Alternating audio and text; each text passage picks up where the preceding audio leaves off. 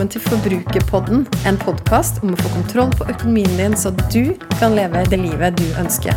Jeg heter Kjersti Grønseth, er trebarnsmor og økonom, og er kanskje aller best kjent som forbrukerfrue. La oss snakke litt om forbruk, for alt starter med det.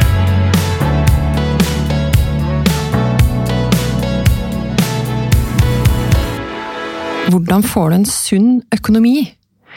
Jeg tror det handler om å ta noen veldig konkrete grep, og så finne en balanse som gir deg et rikt liv, uten pengebekymringer, hvor du også kan få bety noe for noen andre. Jeg vil begynne denne episoden her med å fortelle deg en liten historie. For litt over to år siden, sommeren før jeg blei økonomiblogger, så kjøpte vi oss en Tesla. Vi hadde akkurat fått barn nummer tre og innsett at lifen vår ikke ville klare å romme tre barnestoler ved siden av hverandre. Vi gjorde en del research og fant ut at et godt alternativ var en Tesla med sju seter, hvor de to eldste barna kunne sitte bakovervendt i spesialbygde seter helt bakerst.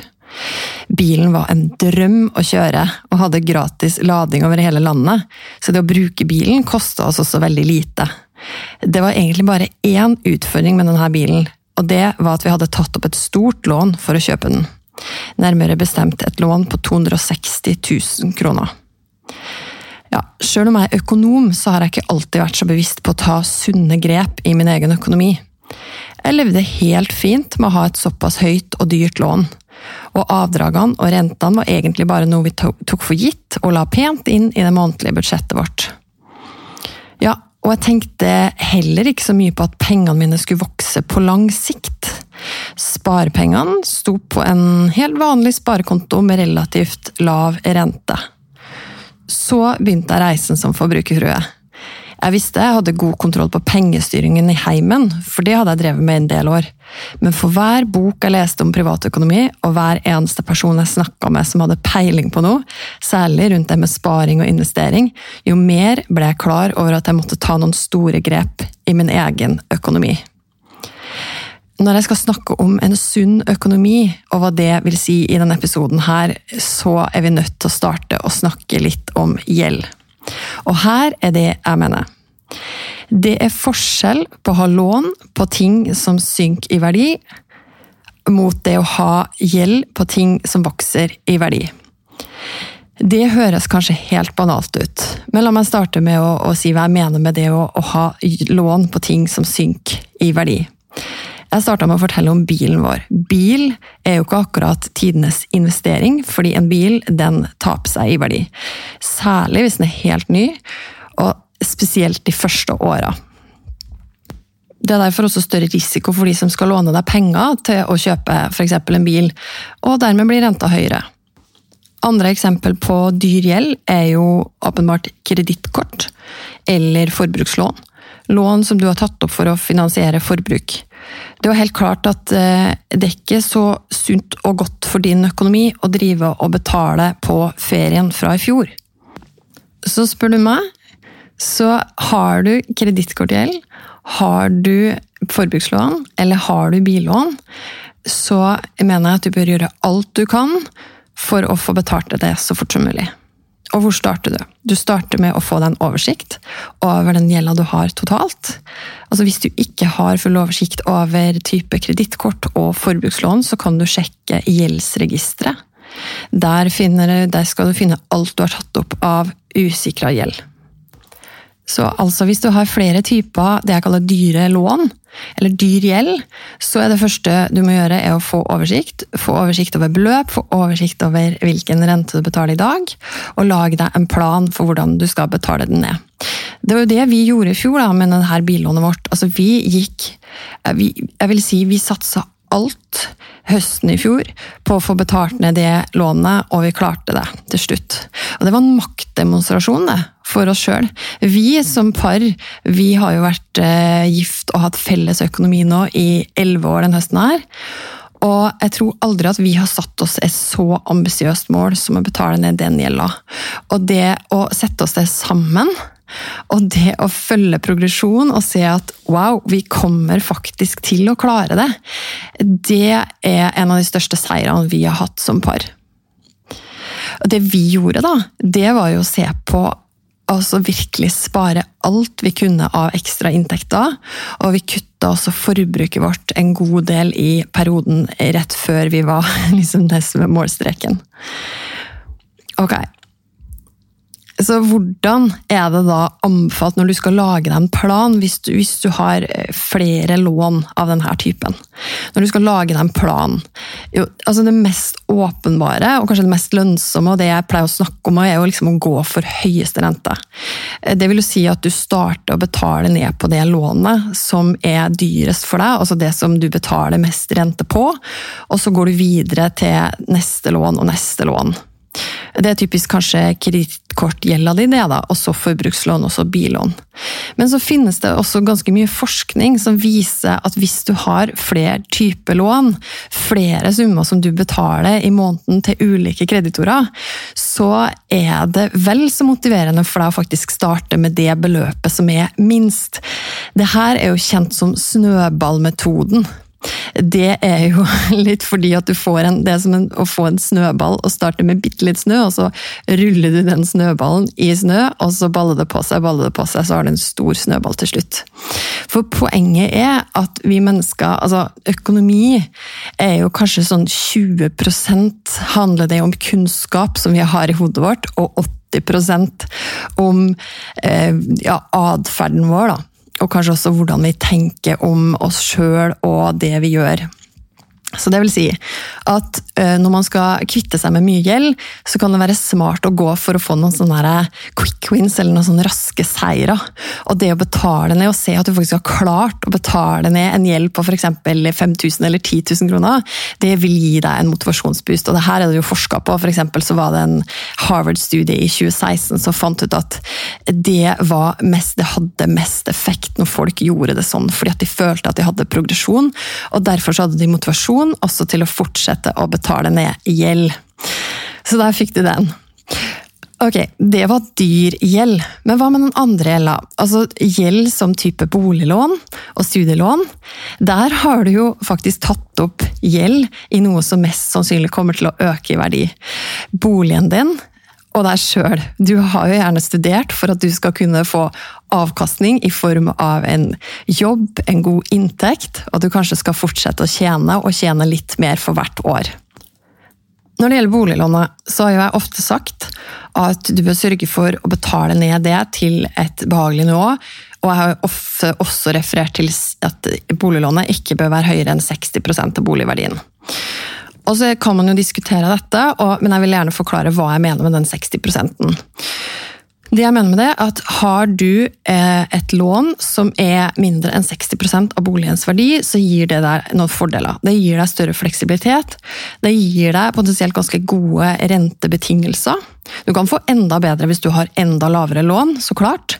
Men det som også er med 60% er at du kan søke om avdragsfrihet hvis du skulle få behov for det. Det kan jo være perioder hvor det kan være helt nødvendig.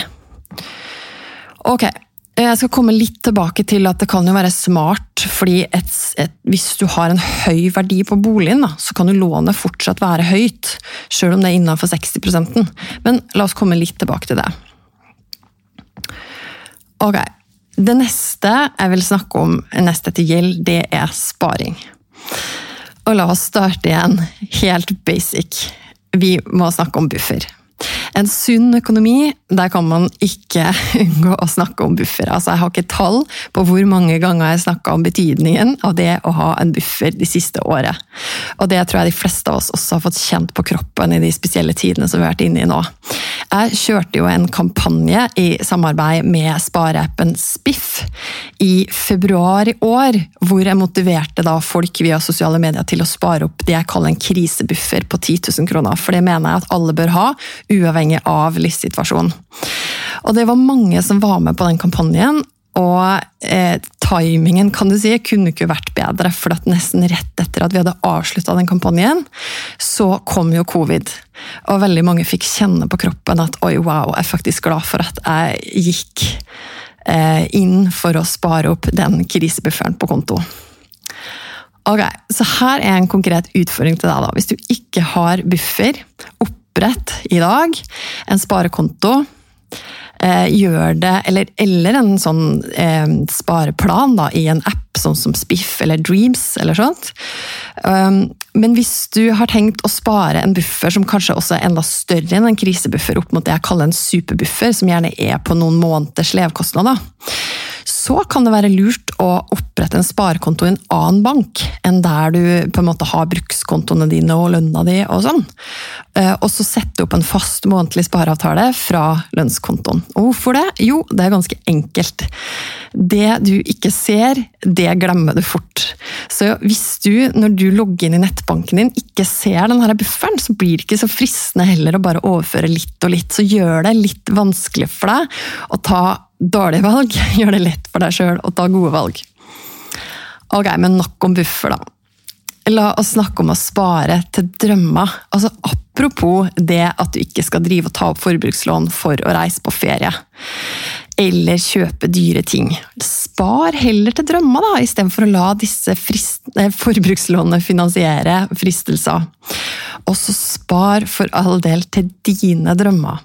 Tør å sette deg ned og drøm, gjerne hvis du er i et forhold, drøm sammen med partneren din. Hva er det dere ønsker? Det kan være så konkret som å pusse opp boligen, hvis det er viktig for deg. Hvordan har det rundt deg? Det kan være å spare til en lengre reise med familien. Det kan være å spare til ulønna permisjon hvis du har små barn. Det kan være å spare til å realisere en businessidé. Det viktige er at det er dine drømmer, og at det er litt planlagt. Og jeg tror vi har så godt av å bruke litt tid på de drømmene. Både sette oss ned og sette målene og tørre å drømme stort, tenke visjonært. Men også det å lage en plan som handler om at det må gå litt tid. Vi har så lyst til å få det i dag. Ah, jeg kjenner meg guilty as charged. Det er litt sånn når jeg får eh, en ting som jeg får veldig lyst til å gjøre, og så tenker jeg sånn, hvordan kan jeg få det til i dag eller i morgen? Men så er det faktisk sånn at veldig mange gode ting blir til over tid, og det tror jeg også handler om, eller gjelder for drømmer. Sånn at hvis du setter sette deg et mål, gjør det helt konkret. Sett en dato for når du skal ha nådd det, og så bryt det ned. Ok, Hvor mye må jeg spare eh, framover nå, hver eneste måned, for å kunne realisere? Så gjør det konkret. da. Opprett en spareplan i dag med et navn som gir deg sommerfugler i magen. Det skal være din drøm, og det skal være noe som gjør at du våkner opp om morgenen og kjenner at det kribler litt. Ok, Vi har snakka om gjeld og vi har snakka om sparing. La oss snakke da om investering. Når jeg snakker om en sunn økonomi, så ser jeg på det å gi til andre som en investering. Ja, jeg vet at det ikke er helt typisk en økonom å snakke på den måten, men det er ikke så helt utypisk heller. fordi at mange av verdens rikeste de sier faktisk det at det her bør være en del av din strategi med pengene dine.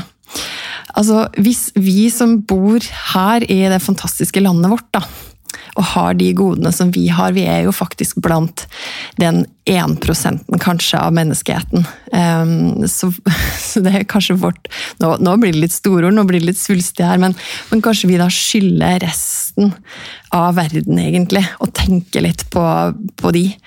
Og um, kunne bruke av våre penger. Og hvorfor snakker jeg om det som investering? Det er jo ikke sikkert at det her er at du setter penger inn i noe som kommer til å gi deg avkastning i kroner og øre. Men jeg tror at du får avkastning på det på veldig kort sikt.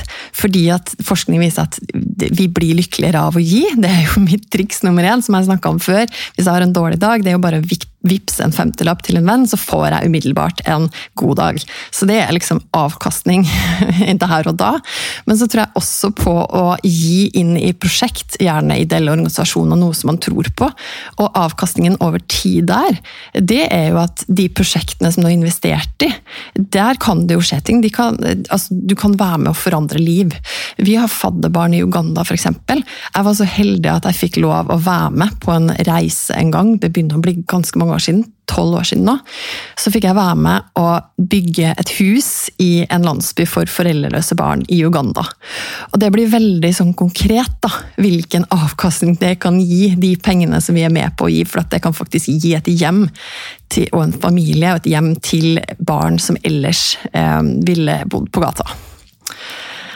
Ok, videre, når det kommer til mer den der hardcore avkastninga, altså hvor får man mest igjen for pengene sine. Og nå snakker jeg om det å få pengene til å vokse på lang sikt. Da er det ikke noe særlig vei utenom aksjemarkedet. Og jeg vet at Mange kan tenke at det er litt skremmende, fordi at det handler om å ta risiko. Og spesielt nå så er det litt sånn overskriftene igjen er sånn, nei, men nå kommer en ny nedtur. Men der tenker jeg igjen da, vi må minne oss på at det her handler om å tenke langsiktig. Det handler om å begynne i det små, og det handler om å være tålmodig. Og det finnes jo noen ordtak som er sånn at ok, det sitter noen i skyggen i dag fordi det var noen andre som planta det treet for veldig lenge siden.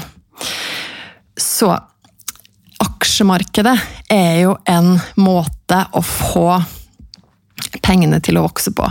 Og det handler om at man må være tålmodig, man må vite hva man går inn i det med. altså Man må kjenne risikoen, men man må vite at historisk sett, iallfall over lang sikt, gjerne ti pluss år, så vil beløp som du putter inn i aksjemarkedet, og gjerne da i aksjefond for å spre risikoen på flere selskaper, det vil gi mer avkastning. Det har i hvert fall gjort det historisk sett, selv om ikke det er noen garanti for framtidig. Men uansett så har det gitt mer avkastning enn å ha penger i banken.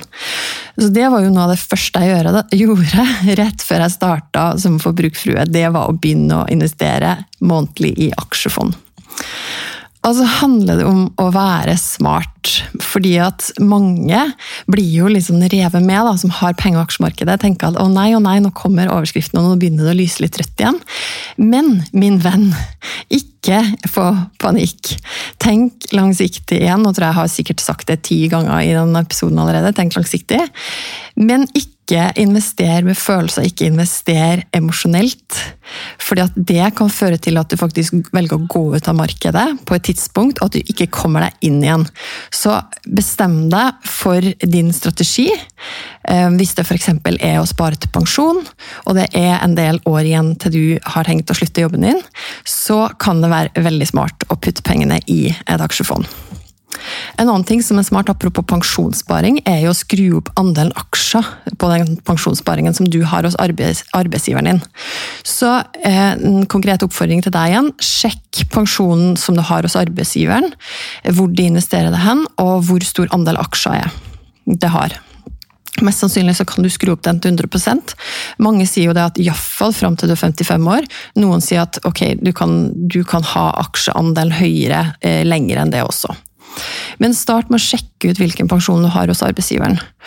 Og hvis du er der, da, at du har eh, betalt ned dyr gjeld, du har bygd buffer, eh, og du er klar for å investere i aksjefond, så er jo også da utfordringen nå konkret å opprette en aksjesparekonto i nettbanken din, hvor du da kan opprette en månedlig spareavtale i et fond som du velger sjøl.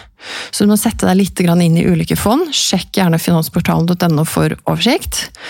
Um, og så eh, setter du opp en månedlig spareavtale. Og hvis du er usikker på hvordan det her funker, så tar du et veldig enkelt Google-søk, aksjesparekonto, pluss da navnet på den banken som du har. Yes. I en sunn økonomi eh, så handler det også om å finne en fin balanse. Det handler om å vite at du betaler ned dyr gjeld, det handler om å spare til de tingene og investere for at pengene skal vokse på lang sikt. Men det er jo ikke til å komme utenom at vi må jo også bruke penger. Men poenget er da at vi først skal sette av til det viktigste. Altså satt av til å på en måte sikre økonomien vår på lang sikt. Til sparingen, til investeringen, til nedbetalingen av gjeld, til å gi til det du tror på. Og så handler det da om å fordele resten, egentlig. Så noen ting som er litt obligatorisk, altså vi har jo gjerne de fleste av oss levekostnader, noen faste utgifter også. Og her handler det på en måte om å finne et nivå da, på levekostnadene. De må ikke være så høye at du ikke har rom for å puste. altså Du skal kunne leve med margin. Og da må du kanskje starte med å se på de store utgiftene dine. Og for å plukke opp tråden eh, igjen litt på det med boligutgiftene. Det vi snakker om med boliglån, er at det kan være veldig fornuftig å ha det på et nivå som ikke er høyere enn 60% av boligverdien. Men har du likevel et veldig høyt lån, som er en stor andel av i prosent av inntekten din, så kan det jo være fornuftig å fokusere på å betale ned lånet fortere. Eller faktisk også hvis du innser at du har så høye boligkostnader at du omtrent bor deg i hjel, da. Det høres jo veldig dramatisk ut, men at du rett og slett Det begrenser deg. Ellers så kan det hende at du må ta den, den, litt eh, seriøse praten med partneren din, hvis du har en partner, om å se etter andre steder å bo. Ok, fordi jeg har sjekka litt opp i det med hva er det som er typisk sunt å ha da, i boligutgifter i prosent av inntekten. Og da gikk jeg til eh, Statistisk sentralbyrå, og de snakker litt om det her. For de snakker om at eh, er man en husholdning med, med de, det de kaller en, måte en høy belastning da, på boligutgiftene, så befinner man seg i en mer utsatt posisjon på boligmarkedet enn det som andre gjør. Fordi at ting kan jo skje, du kan jo få reduksjon i inntekten din. Renta kan jo øke og boligprisene ikke minst kan falle. Sånn at de anbefaler jo da at mellom 25 og 40% av inntektene at boligutgiftene ikke er noe høyere enn det. Så for å gjøre det konkret igjen, da. Kan ikke du sette deg, nå, sette deg ned eh, nå, eller i løpet av den nærmeste tida, og finne ut og regne ut hvor mye boligen din faktisk koster deg. Og så Apropos det, apropos det, med bolig og boliglån, så er det jo helt obligatorisk for meg å si at hvis du ikke har gjort det ennå, sjekk for all del renta di opp mot den renta du kunne fått i andre banker. Det kan du gjøre enkelt ved å gå inn på finansportalen.no og sjekke der det står boliglån, og så legger du inn dine opplysninger. Og da er det veldig enkelt å kontakte banken din for å be dem om å matche et tilbud som du kunne fått hos en annen bank. Eller så kan du da vurdere å bytte bank hvis de, din egen bank ikke vil matche.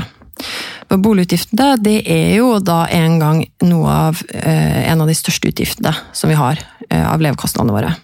Så det er mange som lurer på om du bør binde renta nå når den, er så lav.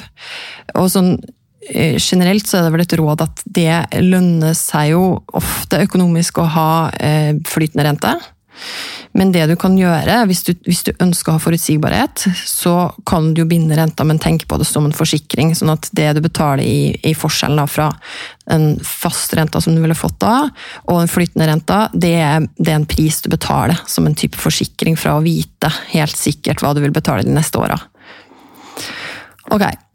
Av andre typer levekostnader, da, så eh, handler det mye om å, å, å kutte levekostnadene uten å redusere livskvaliteten. Det tror jeg veldig på. Altså, du trenger ikke å være en supersparsommelig person for å ta smarte grep. Det handler veldig mye om å ikke betale mer enn du må. Og igjen, det med å sammenligne priser, fylle seg med kunnskap, det, det, er aldri feil. Det samme kan du gjøre med strøm og forsikringer. Der finnes det kilder som lar deg sammenligne, f.eks. strømpris.no, som er Forbrukerrådet sin sammenligningstjeneste. Og forsikringer, der er det lurt å, å finne ut hva du trenger. Da. Jeg skal snakke om det i en annen episode i løpet av høsten, så jeg kommer tilbake til det. Men generelt også å samle alt hos én leverandør vil jo kunne gi deg eh, lavest mulig pris. Andre typer kostnader, altså abonnement. Hvilke abonnement er det du bruker som du får mest glede av, og hvilke er det du rett og slett bare kan kutte? Sammenlign priser her også, da. sammenlign tjenester, finn ut hva du ønsker å beholde, og hva du ikke trenger. Når det gjelder mat, planlegg og prioriter. Spis mer kjøttfritt. Det har jo vært et av de grepene som vi har tatt som har gjort at vi har spart eh, en del penger på matbudsjettet vårt. Bruk rester. Eh, hallo, det har vi også spart mye på. Ta godt vare på maten din, vit hvordan du skal oppbevare den.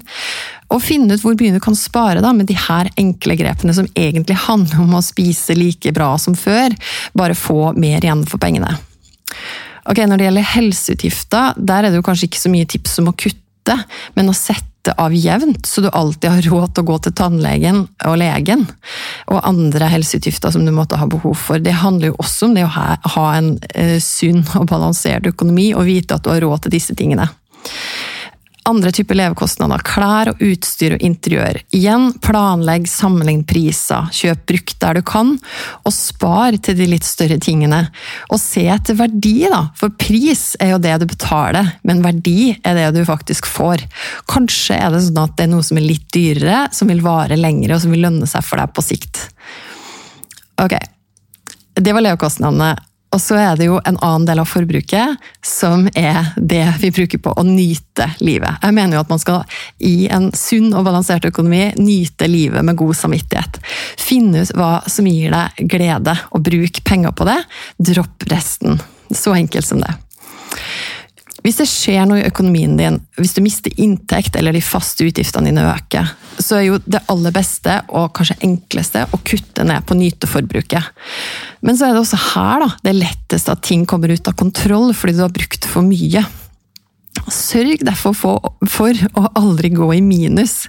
Lær deg å utsette ting du har lyst på. Lær deg sjøl det, lær barna dine det. Og det, for min del, så har jo min største life hack der vært å kvitte meg helt med kredittkort. Jeg har ikke kredittkort. Jeg vet at når jeg har det, så bruker jeg mer enn når jeg ikke har det. Fordi at det føles som det ikke er helt mine penger, og da er det lettere for meg å bruke mer. Det er meg, da. Så får du finne ut hvordan du skal sørge for å aldri gå i minus. Ok, Det siste punktet jeg vil snakke om i en sunn økonomi, det handler om inntekten din. For nå har vi snakka veldig mye om at du får noe inn som du skal bruke. Enten til spare, til å betale ned gjeld, til å spare til konkrete ting, investere eller forbruket ditt. Men inntekten din, da? Altså finne ut hvordan du kan tjene mer, hvis du f.eks. ønsker å bruke mer. Altså, Ei av jentene som jeg hadde på kurset Forbrukerfruer i fjor høst, hun regna ut hvor mye, hvor høye levekostnader hun hadde. Jeg tror de havna på sånn 90 Og så spurte jeg da hva de 90% av inntekten. Og så spurte jeg de, de damene da om hva de hadde lært av den øvelsen bare med å regne ut på en måte f.eks. levekostnadene i prosent av inntekten. Og så sa hun at oi, det jeg ser her, det er jo at det at det er dyrt å være meg. Og så sa hun samtidig, men vet du hva, jeg har et nivå av forbruk som jeg er veldig fornøyd med. Jeg har funnet, jeg har funnet liksom min livsstil. Og hva kan jeg gjøre da? Jo, jeg kan øke inntekten. Så hvis du ønsker å bruke mer, finn ut hvordan du kan tjene mer. Og hvordan kan du bruke dine talenter, dine gaver, til å skape verdi for andre? Det er det det handler om, ikke sant? Sørg Ok, Har du en fast jobb, sørg for at du har den lønna du fortjener. Har du sånne lønnsoppgjør der du kan påvirke, ta den samtalen med sjefen din der du legger fram hva du faktisk har fått til. Skal du begynne en ny jobb, for all del ikke gå inn med for lave forventninger, men la de komme med noen tilbud. Da. Du, det er du som er attraktiv her. La de få lov til å komme med noen tilbud som er gode for deg, og ikke ja, se på det som en forhandling. da. For det er ganske viktig hva du går inn med, som den lønna du får i jobben. Det kan være vanskeligere å komme seg og, og gå opp i lønn. Ok, Disse dager så er det jo kanskje sånn at veldig mange, meg sjøl inkludert, er jo veldig takknemlige for at vi har en jobb. Så, og nå er kanskje ikke helt tiden for at man skal forvente så mye lønnsøkning heller. Men ha det litt i bakhodet, tenk på det. Det er prinsippet som er viktig her. Og så er det jo en annen ting, da. Det er jo litt knytta til å faktisk bruke penger. Men er det noe du bruker tid på i dag, som du kan betale noen andre for å gjøre, for at du skal få mer tid til deg? Det kan jo høres litt sånn motstridende ut når man er opptatt av å spare, spare ikke sant, og kutte forbruk. Men er det sånn at hvis du f.eks. kjøper deg en robotstøvsuger, så kan du la den gjøre jobben, og de timene som du ellers ville brukt på støvsugd hjemme, som kanskje er veldig ofte ofte hvis du har små barn, sånn som jeg har.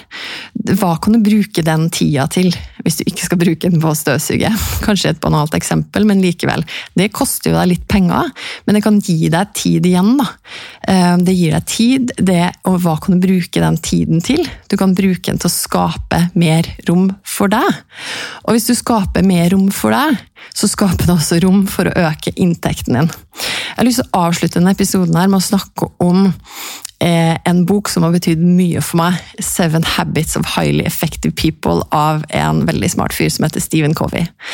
Han snakker da om nettopp det. Sju gode vaner, eller sju vaner, eh, for eh, folk som ja, basically får til noe, da. Hva er det de gjør? Nummer sju av disse vanene, det handler om det han på engelsk kaller 'sharpen the saw'. Kvesse saga på norsk. Det har ikke helt sånn sammenschwungen, men 'sharpen the saw', hva betyr det? Det betyr å ta vare på og øke verdien på den viktigste eiendelen du har, nemlig deg. Ha en balansert plan, Covey sine ord, for hvordan du fornyer deg sjøl på de fire områdene av livet ditt. Fysisk, sosialt og emosjonelt, mentalt og åndelig. Og her er noen konkrete eksempel. Fysisk. Spis riktig. Tren. Hvil. Ok, den tar det til meg. Det skal jeg faktisk bli bedre på. Mitt eneste mål i høst er jo å legge meg før klokka ti, og det har jeg ikke klart så veldig ofte. Men jeg har det fortsatt som mål. ok, sosialt og emosjonelt. Koble med andre i meningsfulle relasjoner. Mentalt. Lær noe nytt. Les. Skriv. Lær bort noe. Og så spirituelt eller åndelig. Eh, bruk tid i naturen. Utvid perspektivet ditt med meditasjon, musikk, kunst, bønn eller tjeneste. Ok, invester i deg sjøl. Det er jo noen smarte folk som har sagt at Det var faktisk Warren Buffett, en av verdens rikeste, som har sagt det her. At hva du enn investerer i deg sjøl, det får du tilbake tidobla. Sett alt i system, gjør det lett for deg å ta gode valg i økonomien din.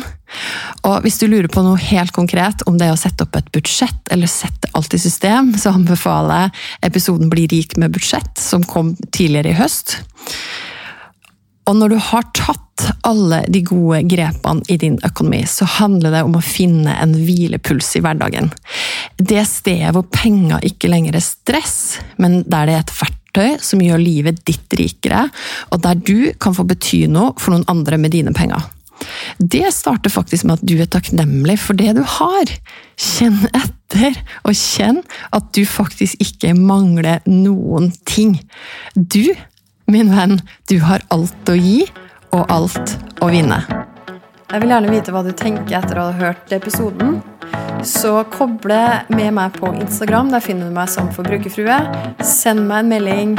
Tagg meg gjerne i story og del episoden her hvis du likte den. Eller send meg spørsmål. Og husk å abonnere på podkasten Forbrukerpodden, så får du beskjed hver gang det kommer en ny episode. Vi høres!